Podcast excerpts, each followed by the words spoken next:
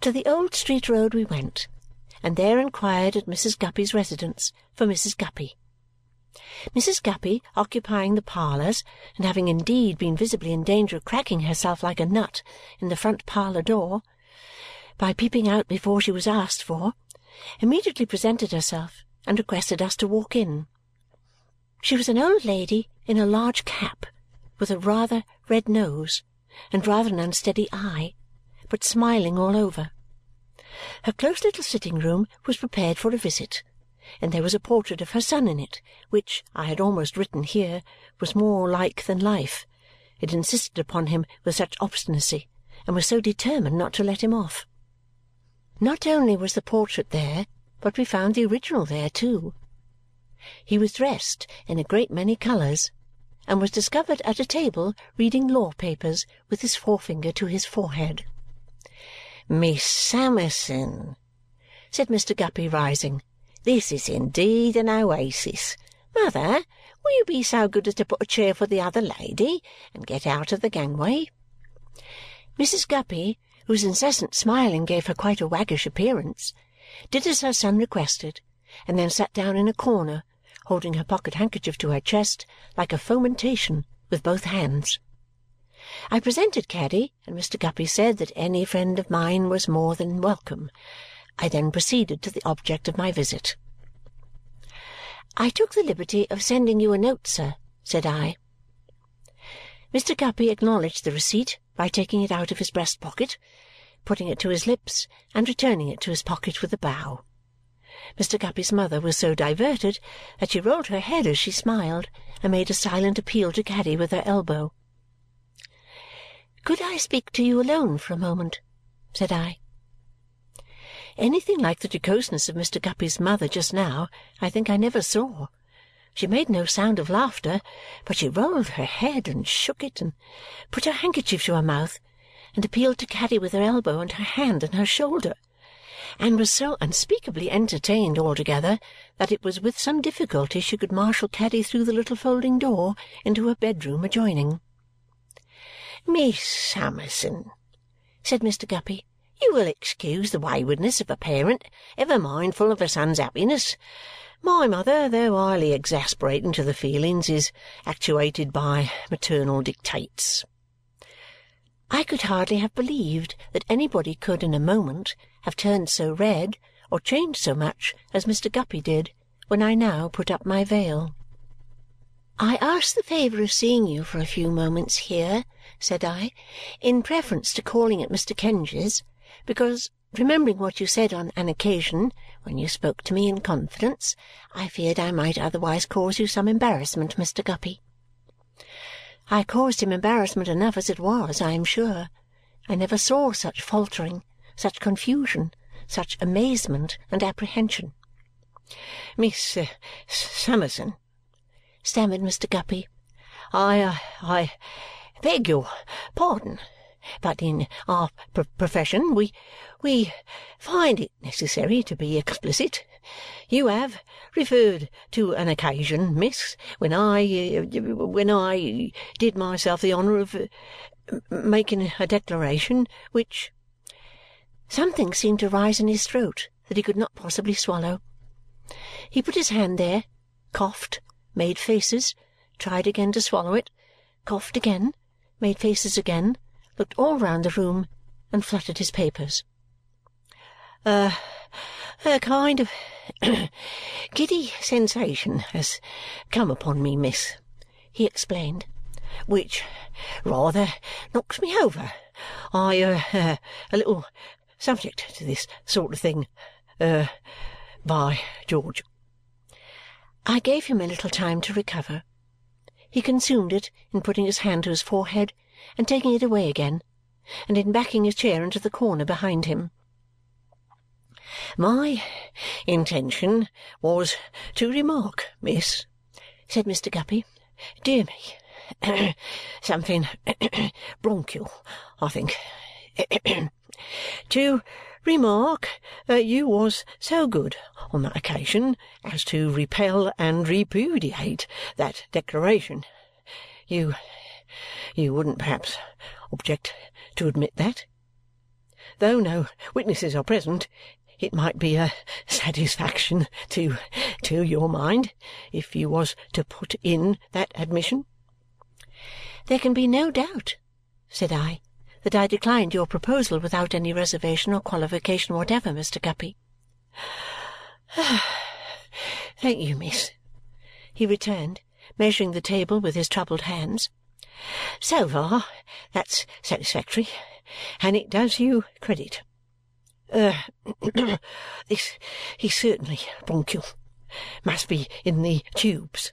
Er you wouldn't perhaps be offended if I was to mention eh, not that it's necessary, for for your own good sense or any person's sense must show 'em that if I was to mention that such declaration on my part was final and there terminated?"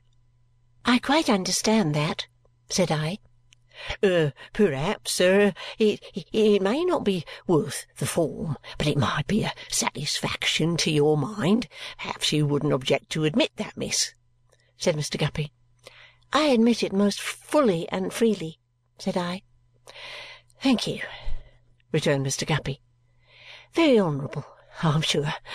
I regret that my arrangements in life, combined with circumstances over which I have no control, will put it out of my power ever to fall back upon that offer or to renew it in any shape or form whatever, but it will ever be a retrospect entwined uh, with uh, friendship's bowers. Mr. Guppy's bronchitis came to his relief and stopped his measurement of the table. "I may now perhaps mention what I wish to say to you," I began. "I shall be honoured, I am sure," said Mr. Guppy. "I am so persuaded that our own good sense and right feeling, miss, will uh, will keep you as square as possible that I can have nothing but pleasure, I am sure, in hearing any observations you may wish to offer.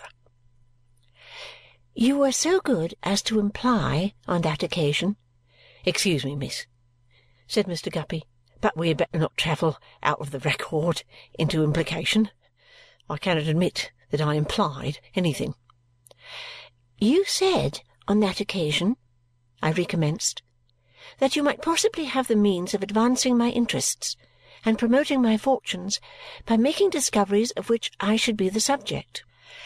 I presume that you founded that belief upon your general knowledge of my being an orphan girl, indebted for everything to the benevolence of Mr. Jarndyce. Now, the beginning and the end of what I have come to beg of you is, Mr. Guppy, that you will have the kindness to relinquish all idea of so serving me. I have thought of this sometimes, and I have thought of it most lately, since I have been ill. At length I have decided, in case you should at any time recall that purpose and act upon it in any way, to come to you and assure you that you are altogether mistaken. You could make no discovery in reference to me that would do me the least service or give me the least pleasure. I am acquainted with my personal history, and I have it in my power to assure you that you never can advance my welfare by such means. You may, perhaps, have abandoned this project a long time. If so, excuse my giving you unnecessary trouble. If not, I entreat you, on the assurance I have given you henceforth to lay it aside, I beg you to do this for my peace." "I am bound to confess," said Mr. Guppy, "that you express yourself, miss, with that good sense and right feeling for which I give you credit. Nothing can be more satisfactory than such right feeling and if I mistook any intentions on your part just now, I am prepared to tender a full apology.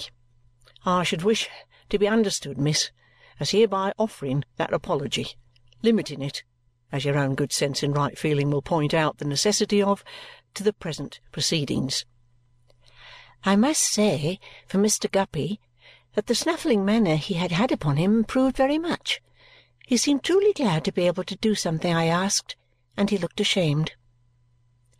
If you will allow me to finish what I have to say at once so that I may have no occasion to resume," I went on, seeing him about to speak, "you will do me a kindness, sir. I come to you as privately as possible because you announced this impression of yours to be in a confidence which I have really wished to respect and which I always have respected, as you remember. I have mentioned my illness. There really is no reason why I should hesitate to say that I know very well that any little delicacy I might have had in making a request to you is quite removed. Therefore I make the entreaty I have now preferred, and I hope you will have sufficient consideration for me to accede to it.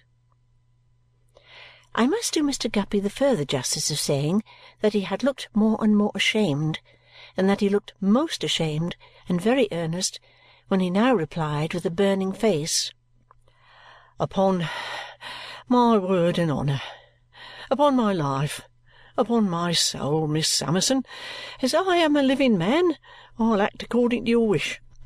I'll never go another step in opposition to it. I'll take my oath to it, if it will be any satisfaction to you, in what I promise at this present time touching the matters now in question," continued Mr. Guppy rapidly, as if he were repeating a familiar form of words. "I speak the truth, the whole truth, and nothing but the truth, so I am quite satisfied said I, rising at this point, "and I thank you very much. Caddy, my dear, I am ready." Mr. Guppy's mother returned with Caddy, now making me the recipient of her silent laughter and her nudges, and we took our leave. Mr. Guppy saw us to the door with the air of one who was either imperfectly awake or walking in his sleep, and we left him there staring. But in a minute he came after us down the street without any hat and with his long hair all blown about, and stopped us, saying fervently, "Miss Summerson, upon my honour and soul, you may depend upon me." "I do," said I, quite confidently.